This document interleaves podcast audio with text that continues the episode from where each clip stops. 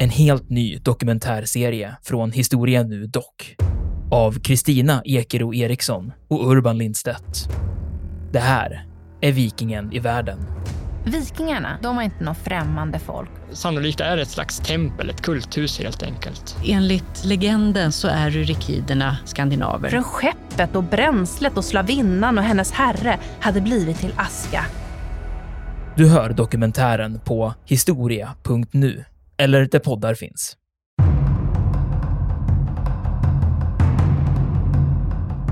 Argumentet från den brittiska sidan och de som satt och planerade det här, Lord Mountbatten.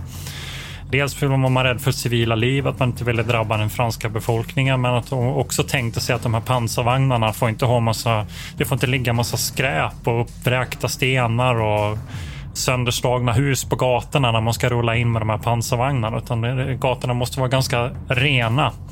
Så därför så avstod man från den här förbekämpningen av, med, med, med tunga bomber. Detta fick också konsekvenserna då att eh, infanterisoldaterna när de väl kom i land här, precis som du beskriver, de hade inga kratrar att hoppa ner i och skydda sig.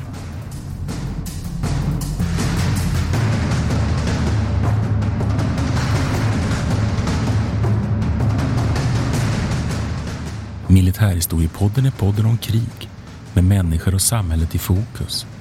Programledare är Martin Hårdstedt, professor i historia vid Umeå universitet och Peter Bennesved, doktor i idéhistoria.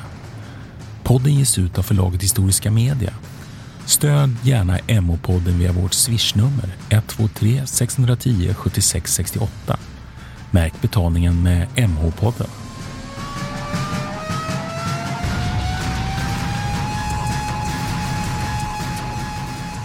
Välkomna till eh, Militärhistoriepodden. Det här är Peter Bennesved. Och det här är Martin Hårdstedt.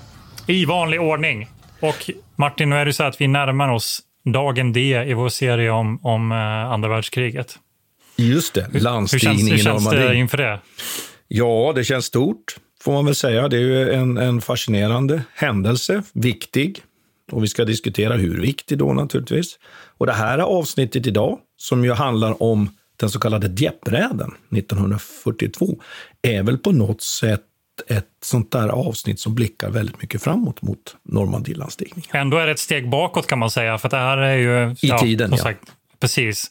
Och varför är det så? Jo, men eh, vi kände väl lite grann att det finns ju ett par sådana här amfibieoperationer som man vill gå igenom liksom före dagen D. Eh, och det här är ju just en sådan där man åtminstone anser sig ha lärt sig en massa saker från allierat håll. Just det. Och vi har ju pratat, det har ju varit en del såna eh, landings då, eller amfibieoperationer under Italienfälttåget som vi ju var inne på. Och vi, framförallt så diskuterade vi mycket den här typen av krigföring och operationer under våra avsnitt om Stilla havet, där vi jobbade oss ju framåt här mot Okinawa, där vi avrundade den delen av, av fälttåget. Va? Men det är ju också så att Dieppe är så intressant, för det är ju samma kustområde, Atlantvallen. Och sen är det också så att Kanada har en lite framskjuten roll här också, som jag vet inte riktigt om vi har varit och pratat så mycket om kanadensare i de andra avsnitten, men här har de ju, är det ju de som står för mest av kanonmaten får man väl säga. Så skulle man kunna säga. Och, eh, vi, jag vet att vi har varit inne på det, och de förstärker ju nämligen sen så småningom efter den här Dieppe-räden. Det är ju så att det här är första kanadensiska krigsinsatsen i Europa. Den första insatsen den sker faktiskt i, i, i, i Asien och då är det en en räd, skulle man kunna säga, eller en landstingsoperation mot Hongkong som går eh, ganska illa. Eh, och vi kommer ju komma ganska snart till att den här Dieppe-räden också gick mycket illa. Men kanadensarna har ett utgångsläge att 11 miljoner kanadensare har en armé som ungefär uppgår till 4 000 soldater och officerare 1939. Det låter som väldigt lite. Det, det låter ju som extremt lite. Och det betyder ju att, att man liksom måste trycka igång en process ja. där man ska bygga upp en krigsmakt. Och jag tycker att det är en sån där sak som jag tycker man kan, kan försöka komma ihåg är att när första världskriget utbryter 1914, då står de europeiska staterna och nationerna med, med stora övade krigsmakter. Men det gör man inte 1939. Mm. Utan där varierar det ju lite och där man då kan kanske konstatera att tyskarna på många sätt är mera väl förberedda och skaffar sig ganska snabbt eh, krigserfarenhet, bland annat genom fälttåget i Polen. Men och man har en stor fransk armé och så vidare. Men tar vi Storbritannien, Kanada, USA, kanske främsta exemplen, har ju egentligen en väldigt, väldigt liten krigsmakt. Men det är också ett väldigt, det är ju ett enormt land. Det är väl, vad jag förstår jag vet inte om det är det vid det här laget, men det är väl världens största land tror jag, rent alltså landmäss, ytmässigt. Jag vet inte. Jag tror att jag, det är Kanada och sen är det Ryssland. Ja, som ligger Men i alla fall, men det, samtidigt så känns de ju väldigt perifera i det här sammanhanget. Eh, och, och, en ganska liten befolkning i ett enormt land. Man kan ju också fundera på vilken typ av, vad, vad är det för insatsen för kanadensarna här? Är det bara traditionen att de är en del av det brittiska Commonwealth? Är det det som, eh, att de på något vis vill ställa upp för sina brittiska bröder eller? Eh, men samtidigt är ju, är ju Kanada också ett kluvet land, både språk och, och många olika minoriteter, framförallt fransmän är det väl som, jag vet inte om de är i och för sig en minoritet, väl har du någon koll på? Jag, jo, jag, kan, alltså, det, det, inse, det, jag vet ingenting. Jag vet att de är väldigt, att det är väldigt noga med tvåspråkigheten i Kanada. Det. det känner jag till. Och de har olika länder. Men jag har faktiskt ingen koll på hur demografin ser ut här nu när jag pratar. Nej, det är, det är en majoritet, minoritet om man säger så. Det är en stor ja. del av den kanadensiska befolkningen. Men, men en stor del också av den kanadensiska befolkningen är, är faktiskt födda i Storbritannien, men också har sitt direkta naturligtvis bakgrund på de brittiska öarna släktmässigt. Men det, det, mest spännande tycker jag väl kanske för oss här egentligen är väl det att från 1931 så har man en form av självstyrelse, men det innebär inte att det egentligen finns ett kanadensiskt medborgarskap. Och det här är ju jättemärkligt.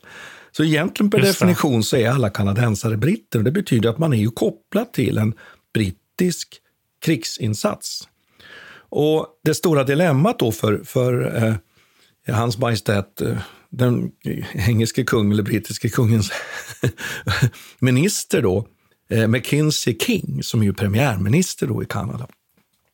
Det är ju att han vill inte skicka nu, göra utskrivningar av inrikespolitiska skäl och skicka som kanonmat till Europa. Utan det han bygger egentligen hela nu utlandsinsatsen på i Kanada, det är ju att man har helt enkelt frivillig utskrivning. Det är viktigt att komma ihåg. Sen skriver man ut så småningom, men bara för tjänstgöring, vakttjänstgöring innan citationstecken, i Kanada. Eh, och man kan väl säga så här att Kanada på inget sätt utmärker sig. Så småningom handlar det om att man, man sätter ungefär 730 000 soldater i vapen och det är inte mer än hälften som kommer att liksom sättas in som då frivilliga. En del faktiskt av de här utskrivna kommer att hamna i Europa. Jag, jag, såg någon siffra på att av de 11 000 eller vad det nu är som, som stupar bland kanadensarna så är det bara några hundra, ett litet, litet antal som är, är, är eh, utskrivna. Men eh, det är inte så att Kanada, eh, Australien levererar mer i relation till sin befolkning och så vidare. Men det jag tycker är spännande här är att man bygger från noll. Man bygger upp en krigsmakt och när vi är nu 1942 så finns det ett, ett skäl till att kanadensarna får den här uppgiften.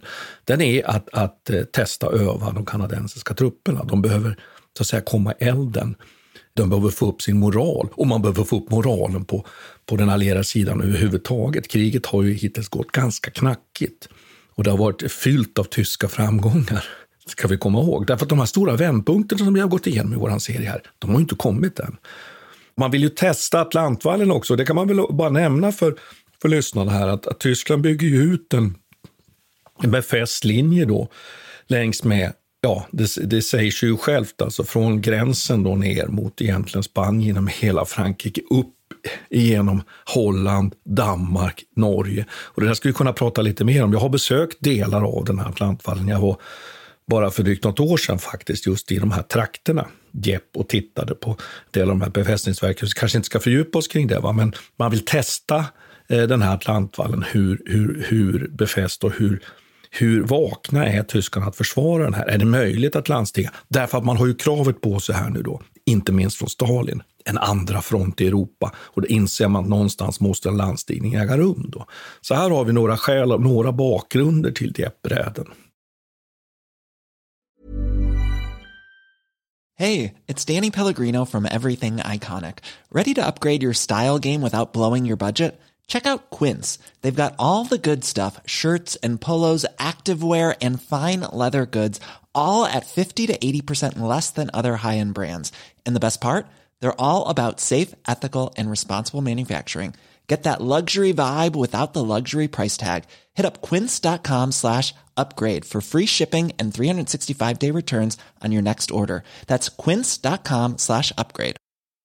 Quality sleep is essential. That's why the Sleep Number Smart Bed is designed for your ever evolving sleep needs. Need a bed that's firmer or softer on either side? Helps you sleep at a comfortable temperature? Sleep Number Smart Beds let you individualize your comfort so you sleep better together. JD Power ranks Sleep Number number 1 in customer satisfaction with mattresses purchased in-store. And now save 40% on the Sleep Number limited edition Smart Bed for a limited time. For JD Power 2023 award information, visit jdpower.com/awards. Only at Sleep Number stores or sleepnumber.com.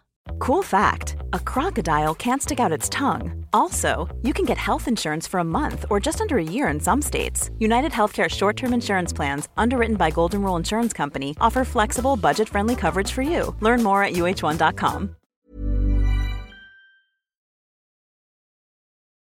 Nu tog du orden ur munnen på mig. Jag tänkte just lyfta fram Molotov här eh, som en, som en viktig aktör här som sitter och, och trycker på just. Och, och, också för att påminna att nu befinner vi oss i ett läge, det är sommaren 1942 och, och Operation Barbarossa har ju startats igång och delvis kommit till stå. Va?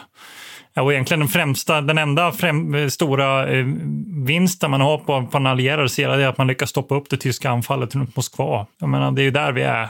Och den här sommaroffensiven och, och alldeles snart efter Dieppe så, så kommer Stalingrad kicka igång och bli eh, hela det, det dramat som är där runt. Så det är verkligen, verkligen ett, eh, i ett, ett intressant läge i det här kriget där man inte vet vilket håll det ska gå. Man kan väl säga att tyskarnas liksom andra säsongs eh, offensiv ner mot, mot Kaukasien och hela det här har ju varit inledningsvis väldigt framgångsrik. Och sen som du säger, sen kommer ju den här grus i maskineriet lite senare med, med, med Stalingrad.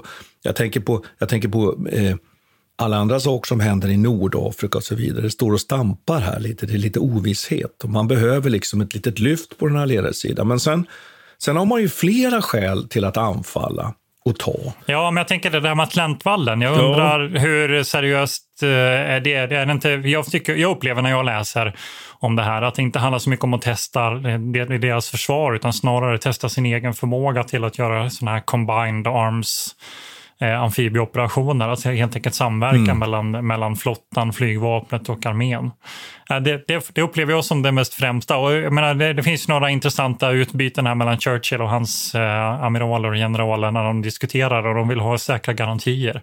Och jag vet inte vem det är som säger det, men någon av dem säger det finns inga säkra garantier här, utan det här måste vi bara testa. Och vill man inte, och vill eh, Churchill ha säkra garantier, då får han helt enkelt ställa in hela invasionsföretaget mot Frankrike för att ingen kommer våga ta ansvar för det om vi inte gör det här först. Så utifrån det så får man ju tycka att det handlar mycket om de allierades egna förmåga. Kanske mer åt det hållet som du pratade om i början, att testa kanadensarna också och se vad de kan men, kan men, bidra med. Men sen tror jag att det finns också några lite mera detaljer där. Det är att man vill ju, ja, dels kanske då förstöra befästningsverk så att säga, men, men också att man vill testa att ta en hamn. För det, det inser man ju att ska man göra en stor kraftfull landstigning så kommer man behöva en hamn. Kanske inte i första läget, men för att få in de logistiska resurser som behövs för att liksom hålla igång ett helt stort jättefälttåg i, i, i Västeuropa, i västra Frankrike. Så då testar man ju mot Dieppe som just är en hamn för att se kan man, kan man ta en sån hamn och hur skulle det kunna fungera då? Men sen funderar jag på en annan sak och det är det här med inhämtandet av underrättelser också. Att man tänker sig att, och där kan man väl i och för sig tänka nu lite att ja, men man får väl lite underrättelse om hur tyskarna agerar då. Lite på det där som jag var lite inne på att man kanske vill testa då lite. Men det är ju inte bara det, utan det är ju att man är, ju, man är ju specifikt ute efter att få kunskaper om tyskarnas radarförmåga. Men också finns det många som menar att man genomför det här anfallet då för att hämta hem viktiga komponenter till den här Enigma-maskinen och kodböcker då för att liksom hålla igång kunskaperna om tyskarnas signalering och att det skulle vara ett skäl. Det finns, finns faktiskt till och med de som går så långt som de menar att det här är bara en... Man, man testar ett anfall nu mot Jepp egentligen bara som en ridå för det man egentligen är ute efter, att få tag på det där. typen av ja, precis. Va? Men mm. det motsägs också av väldigt många historiker. Så att Så att jag tror att man ska kanske lite tona ner, tona ner det. Men, men Ja, en precis. Kombination av de här Ja. skälen kan man väl säga. Nu Det är sånt där som är lätt att efterhandskonstruera. Men absolut, man ska komma ihåg det att det fanns 16 eh, main goals, va? Det är 16 uppdrag. De skulle Specifika, precis. Ja, eh, som, som de skulle uppnå. Och det var bara några av de här som innefattade den här kunskapsinhämtningen.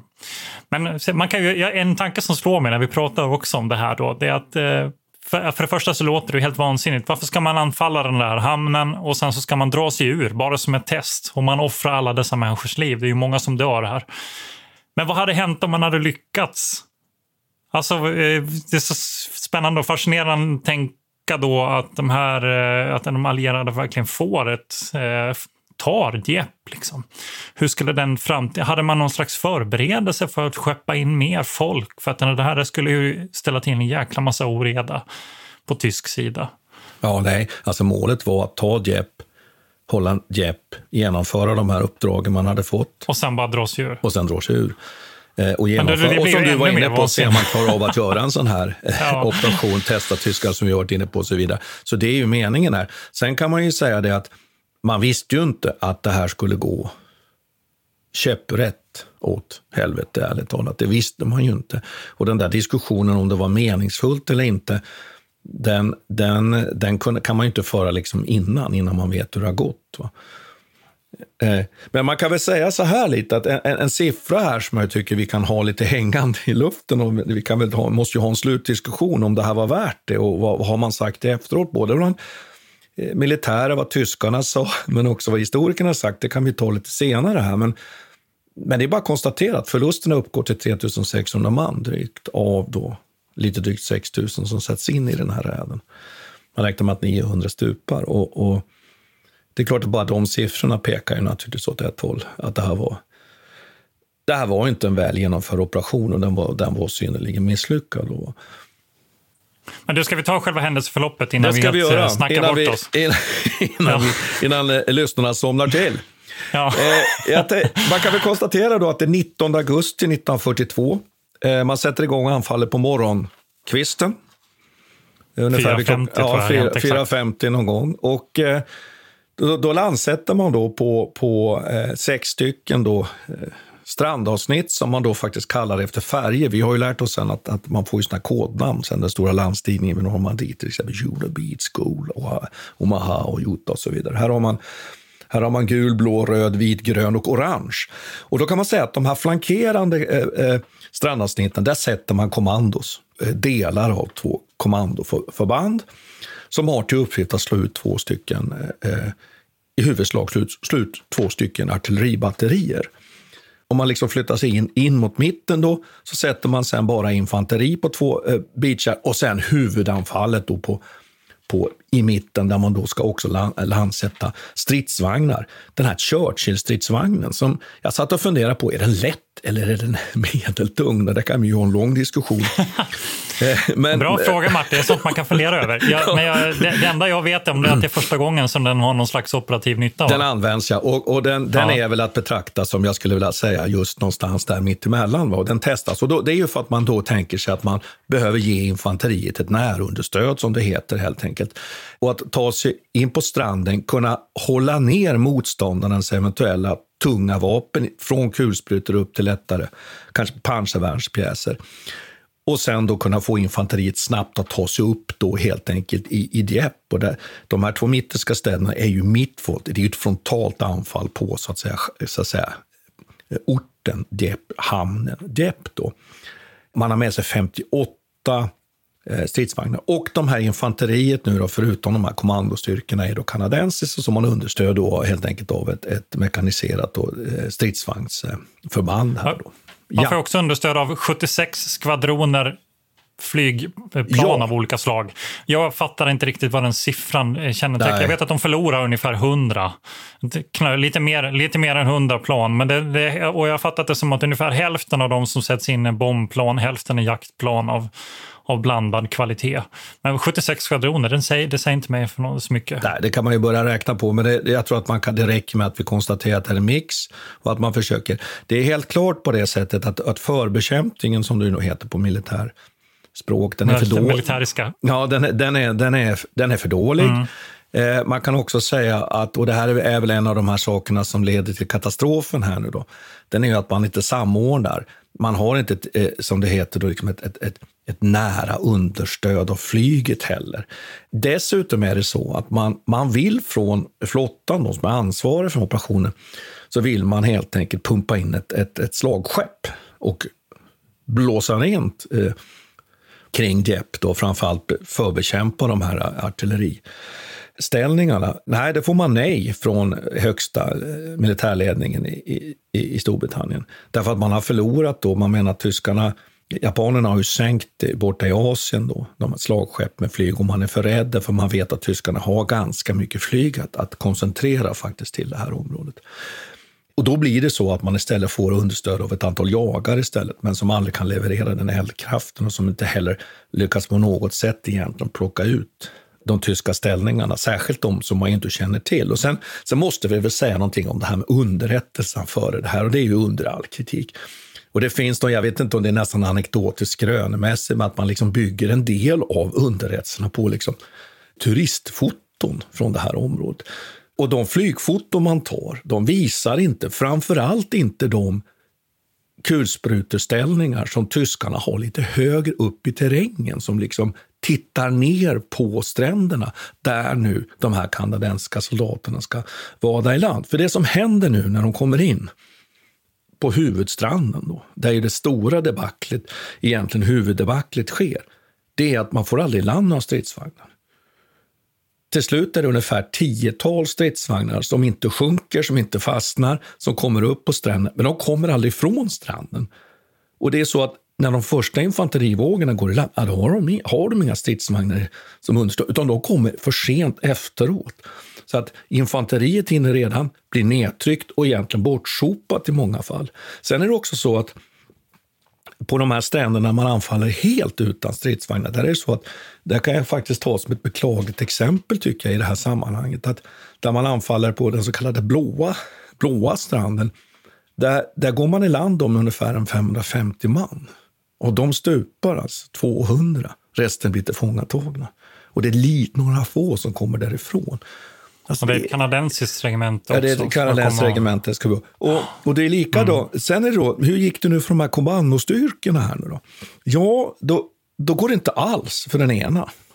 Och det här kommer det kanske någonting lite lustigt. De har i uppgift då att på den så kallade gula stranden då, de ska ta artilleribatteriet Goebbels. Det är ju nästan lite skämtartat här. Lyckas de inte med. Däremot lyckas den kommandostyrka som går, igång, går i land och ska ta artilleribatteriet. Håll i dig nu Peter. Hess. artilleribatteriet Hess. Eh, sex stycken 150 mm kanoner, det är ju ganska saftigt. Så att de, det lyckas de faktiskt slå ut och tysta det under en stund. Och man kan också ge de här som misslyckas att ta eh, artilleribatteriet Goebbels att de ändå lyckas störa deras eldgivning så att det är inga landstigningsfarkoster som sänks av de här batterierna. Men det stora problemet här som vi ju redan har snuddat vid, det är att infanteriet hamnar på stranden, hamnar i korselden och blir helt enkelt nedkämpat faktiskt innan de överhuvudtaget egentligen kommer upp i terrängen.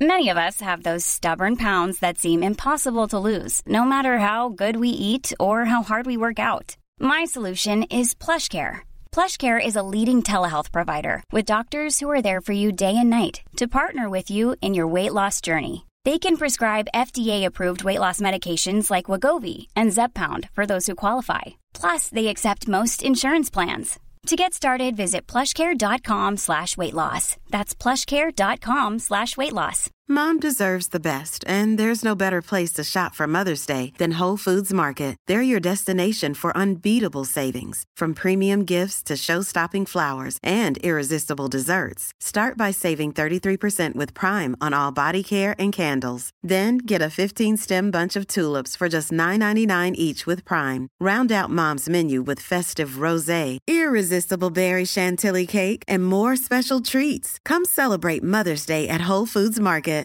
Quality sleep is essential. That's why the Sleep Number Smart Bed is designed for your ever evolving sleep needs. Need a bed that's firmer or softer on either side? Helps you sleep at a comfortable temperature? Sleep Number smart beds let you individualize your comfort so you sleep better together. JD Power ranks Sleep Number number 1 in customer satisfaction with mattresses purchased in-store. And now save 40% on the Sleep Number limited edition smart bed for a limited time. For JD Power 2023 award information, visit jdpower.com/awards. Only at Sleep Number stores or sleepnumber.com.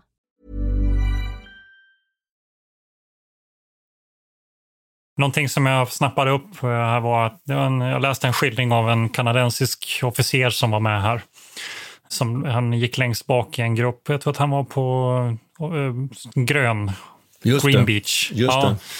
Uh, och han diskuterade just det här avsaknaden av förbekämpning, både från flottan och från flyget. Och att vilka konsekvenser det fick. Och det var en ganska intressant diskussion. Han sa det att uh, argumentet från den brittiska sidan och de som satt och planerade det här, Lord Mountbatten, Dels var man rädd för civila liv, att man inte ville drabba den franska befolkningen, men att de också tänkte sig att de här pansarvagnarna får inte ha massa, det får inte ligga massa skräp och uppvräkta stenar och sönderslagna hus på gatorna när man ska rulla in med de här pansarvagnarna, utan gatorna måste vara ganska rena. Så därför så avstod man från den här förbekämpningen av, med, med, med tunga bomber. Detta fick också konsekvenserna då att eh, infanterisoldaterna när de väl kom i land här, precis som du beskriver, de hade inga kratrar att hoppa ner i och skydda sig. Och det var ett av de stora problemen då för den här. Han blev skadad, eh, han klarade sig och kunde fort, fortsätta tjänstgöra men eh, det var, det var en väldigt, väldigt gripande berättelse, men det var ju också en, en av de stränderna där det gick förhållandevis bra. På den gröna stranden så tog de sig i land då, precis som han hade tänkt sig, i skydd av rökridå och i tid och överraskande. Just det. Så man mm. mötte egentligen inget motstånd alls eh, i början där, men sen var det först när man tagit sig upp. Problemet för deras sida var att de hamnade på fel sida av floden. Dieppe är liksom, det har en är det en flod i mitten och som löper ut i den här hamnen och så har man en flod till västerut tror jag. Eh, och eh, den här på den gröna Green Beach så hamnar man för långt västerut. Så man var tvungen att ta sig över en bro. Och det var ju ett problem då. Alla broar är inte så, ja, det är inte så lätt att ta sig över broar när de är befästa.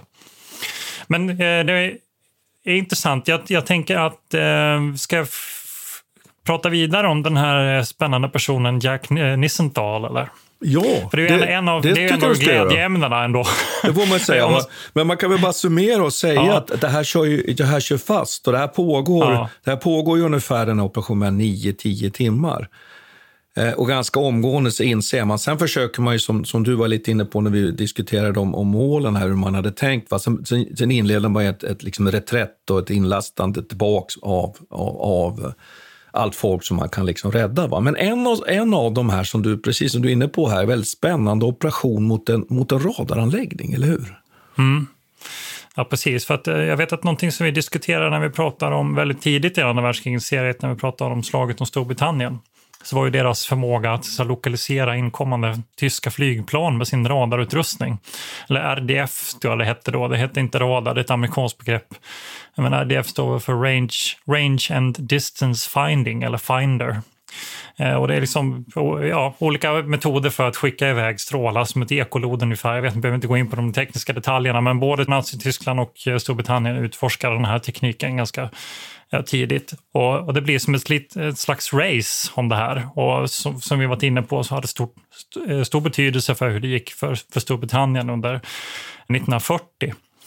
Och det som hände under Dieppe här nu då, som har lite koppling till detta, att det, att det här så så här, teknologiska racet fortsätter nu. Och eh, då är det en speciell person här som heter Jack Nissenthal, som senare blev mer känd som Jack Nissen tror jag. Han kapade hälften av sitt namn. Men han är född i Storbritannien eller i England. Han har polskt påbrå. Jag tror att han har judiskt påbrå också. Och han är en hejare på det här med, med radarteknologi och är väldigt engagerad och jobbar gratis i princip för att liksom, hjälpa Storbritannien med detta.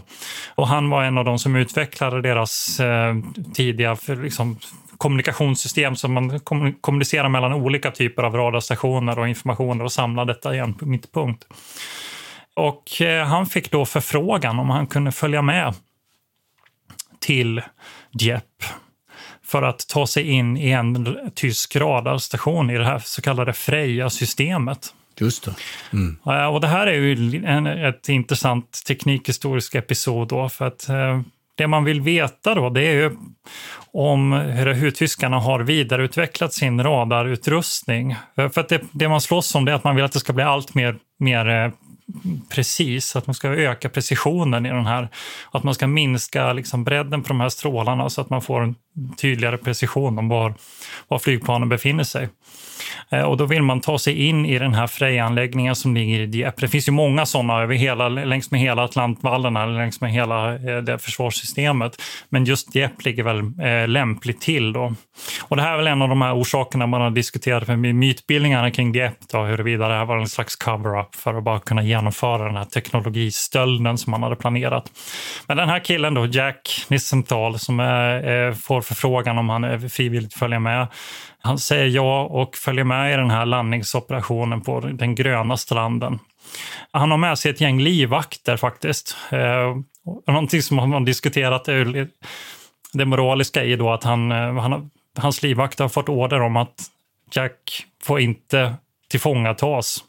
Ifall han eh, tillfångatas så måste man skjuta honom.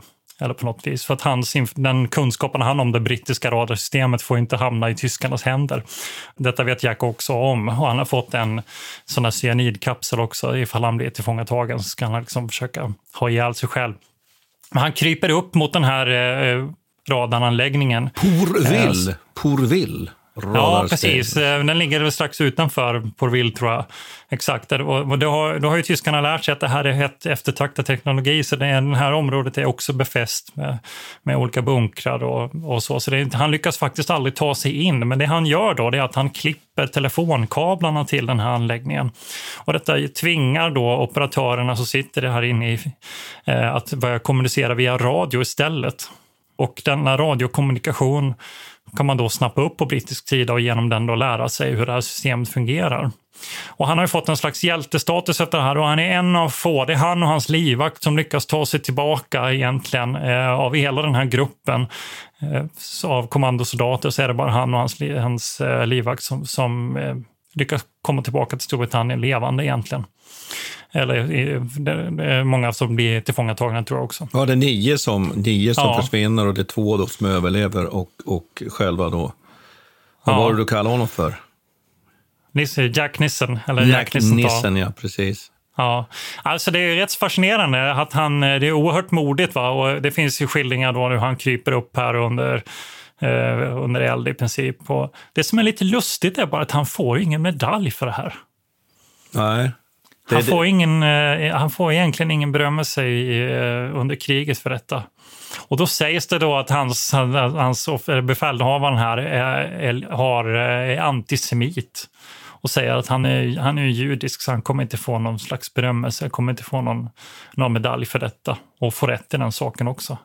Sanningshalten i det vet jag inte, men, men det är ju en intressant... För på tal, vi, alldeles nyss så pratade vi om den här eh, Rukan och den norska operationen i i Hardanger på, vad heter det?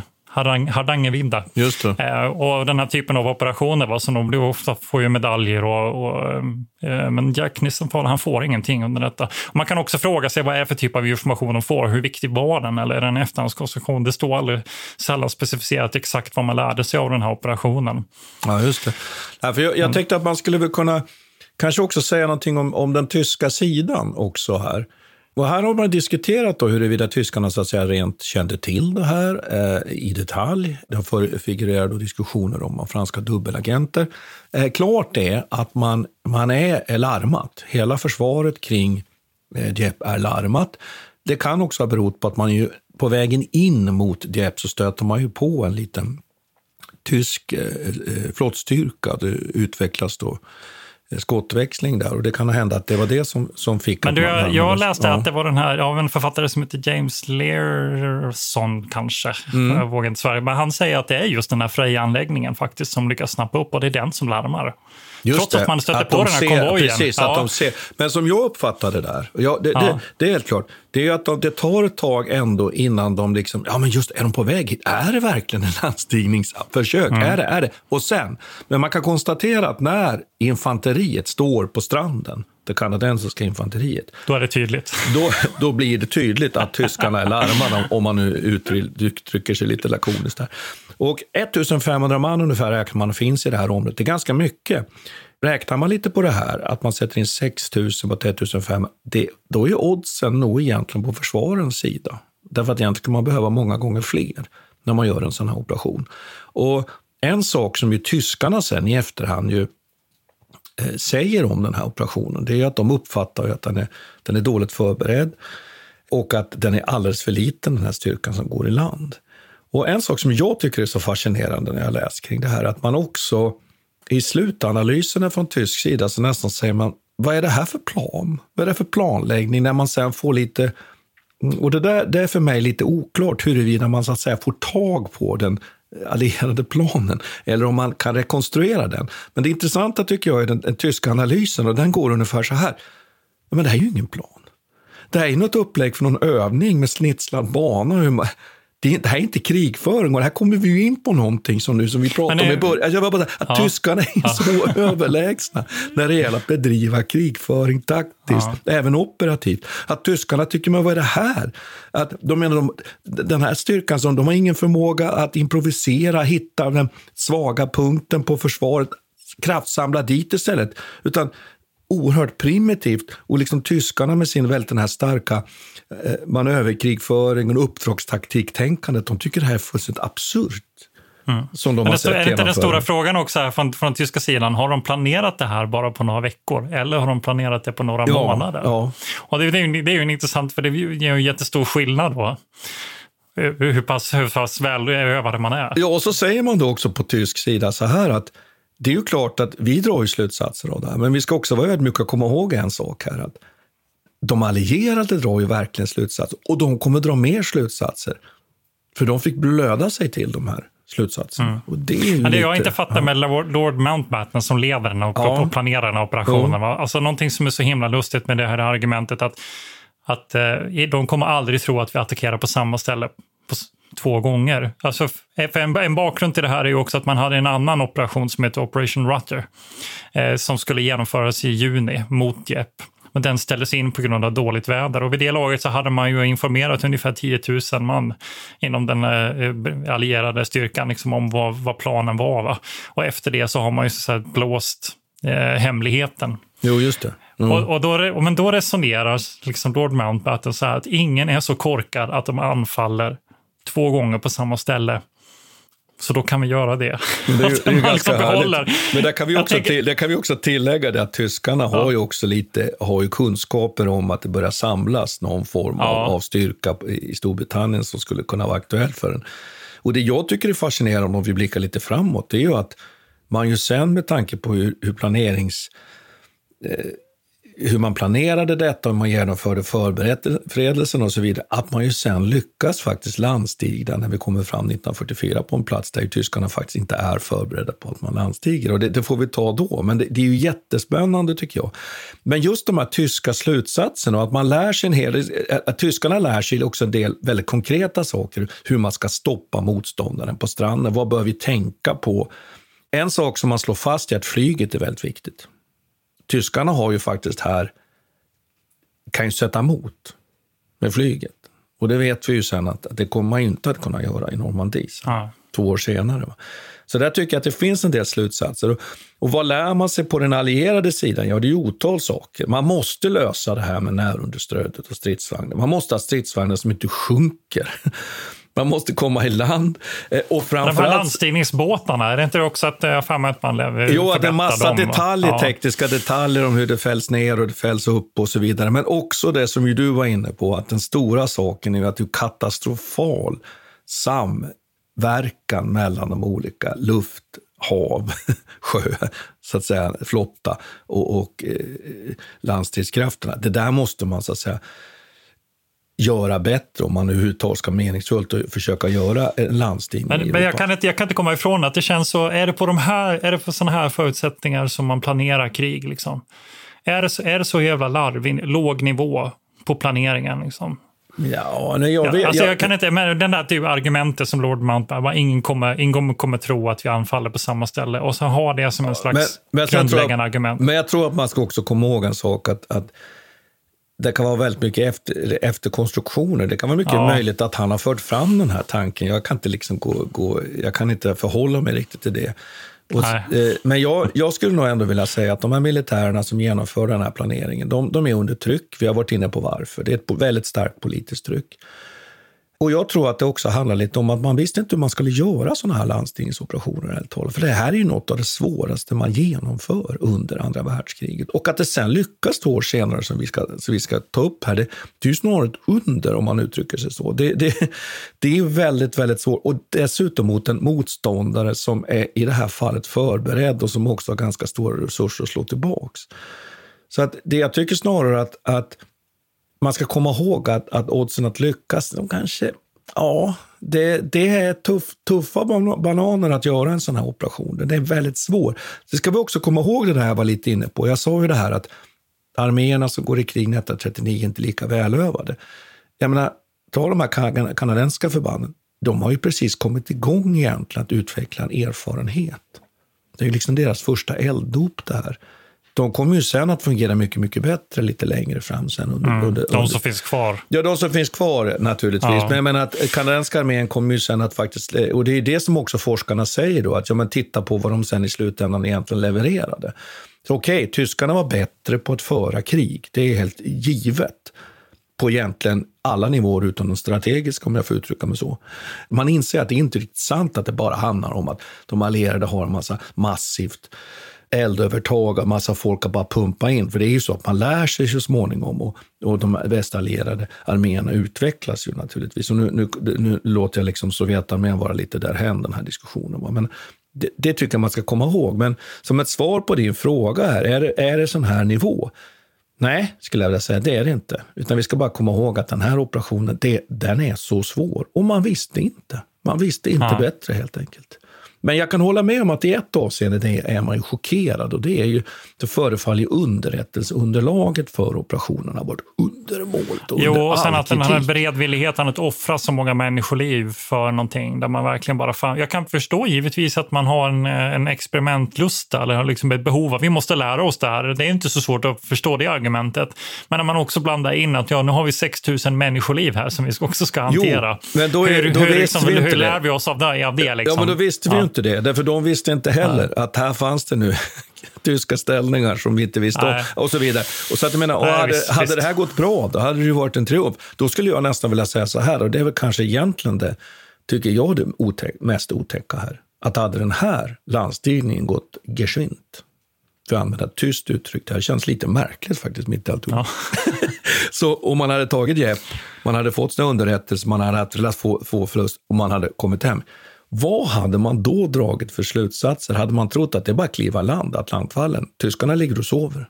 Tänk dig då att man inte hade dragit de här slutsatserna. För den stora frågan här är ju just den du är inne på här.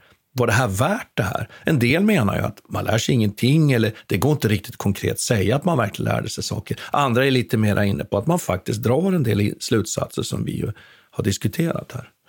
Svår fråga. Ja, Nej, det är så man tänker på tysk sida också. Då tror, på något vis resonerar man ändå att ja, men det här gick ju ganska bra och Hitler är väldigt nöjd med den här garnisonen i, i Dieppe. Och, och han resonerar ju som så att om de inte har anfallit igen inom ett år, då har vi vunnit det här Just kriget. Det, det var Alltså, kanske en för snabb slutsats. Ja, det var lite, lite av snabb analys.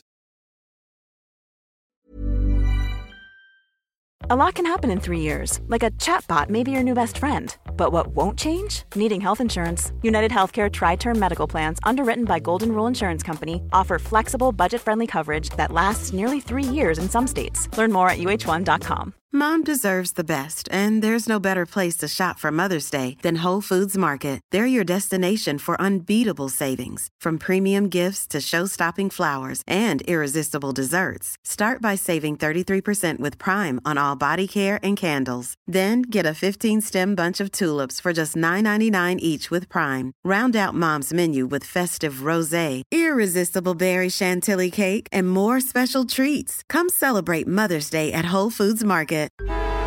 Traffic jams, tailgating, pileups.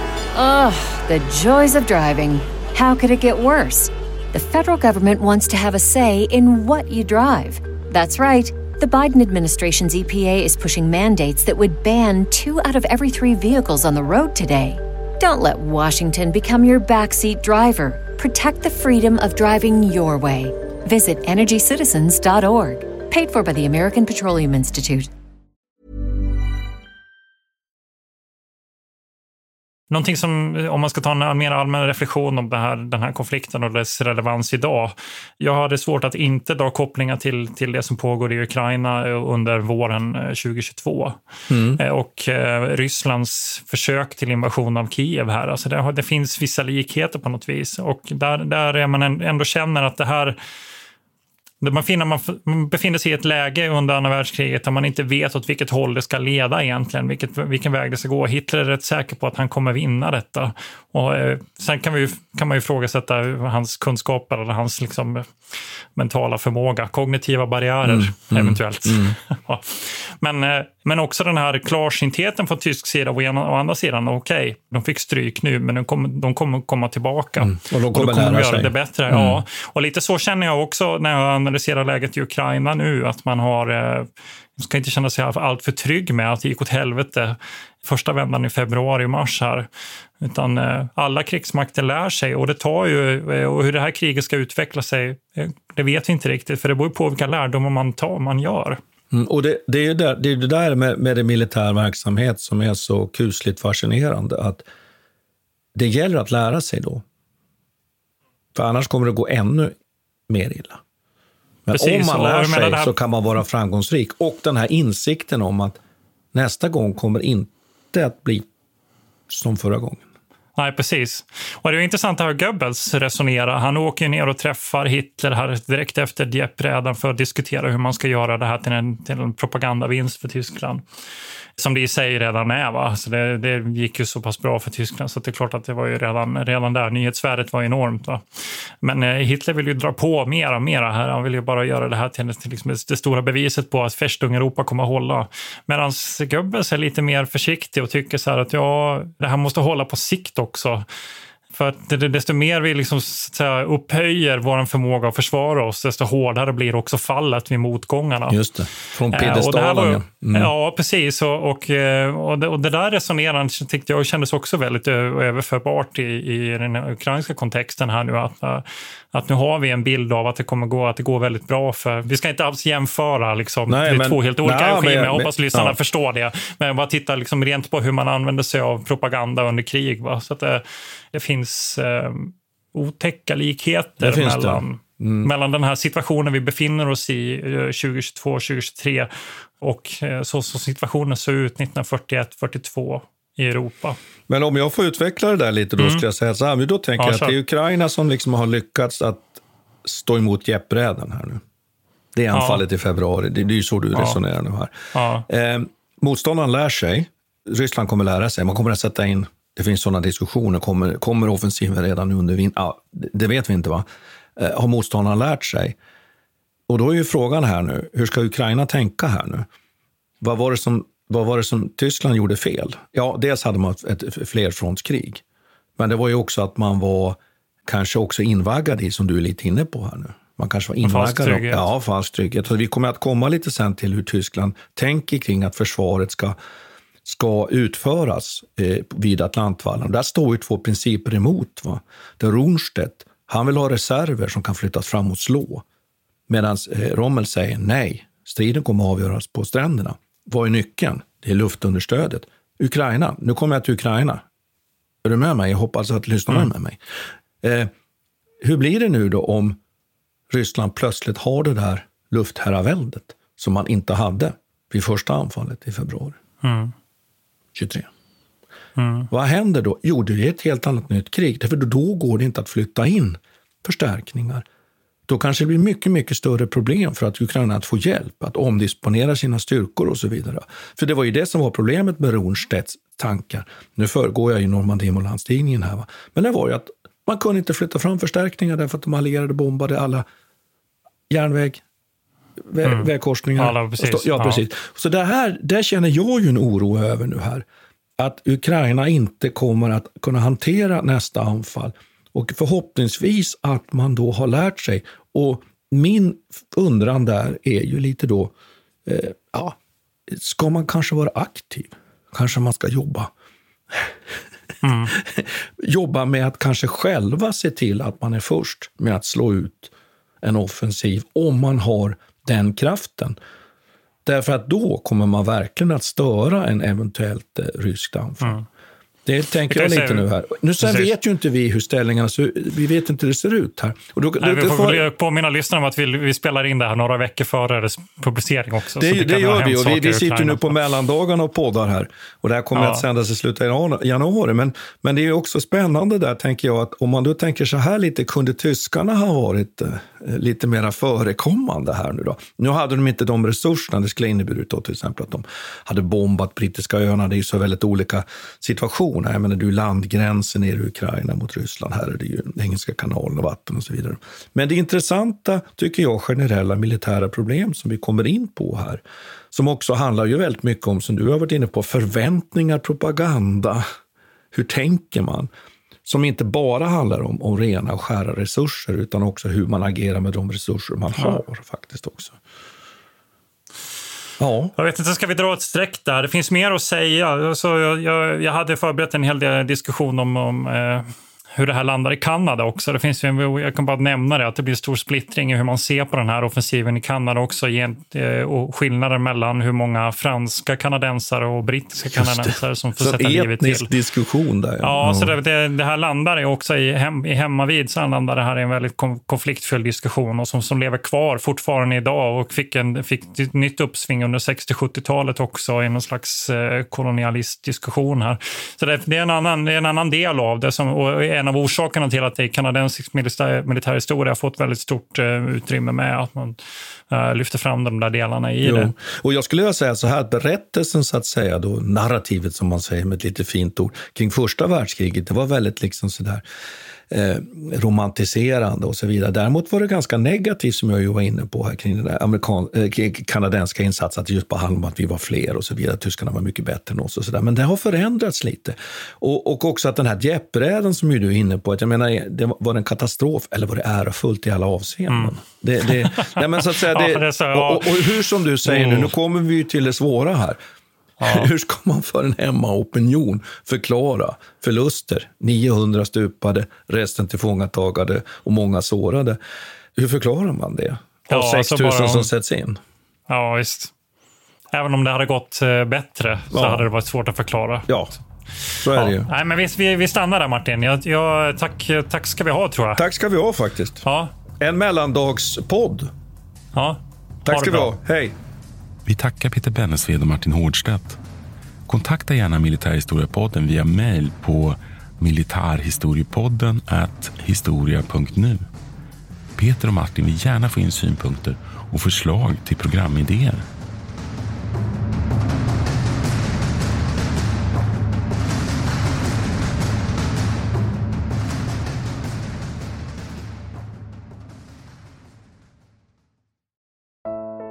Iran har under 1900-talet genomgått tre omvälvande revolutioner som orienterat landet antingen mot västerlandets modell eller mot en auktoritär styrelseform. Idag pågår en social revolution i landet som vänder sig mot det islamistiska styret och vars anhängare har Europa och väst som förebilder.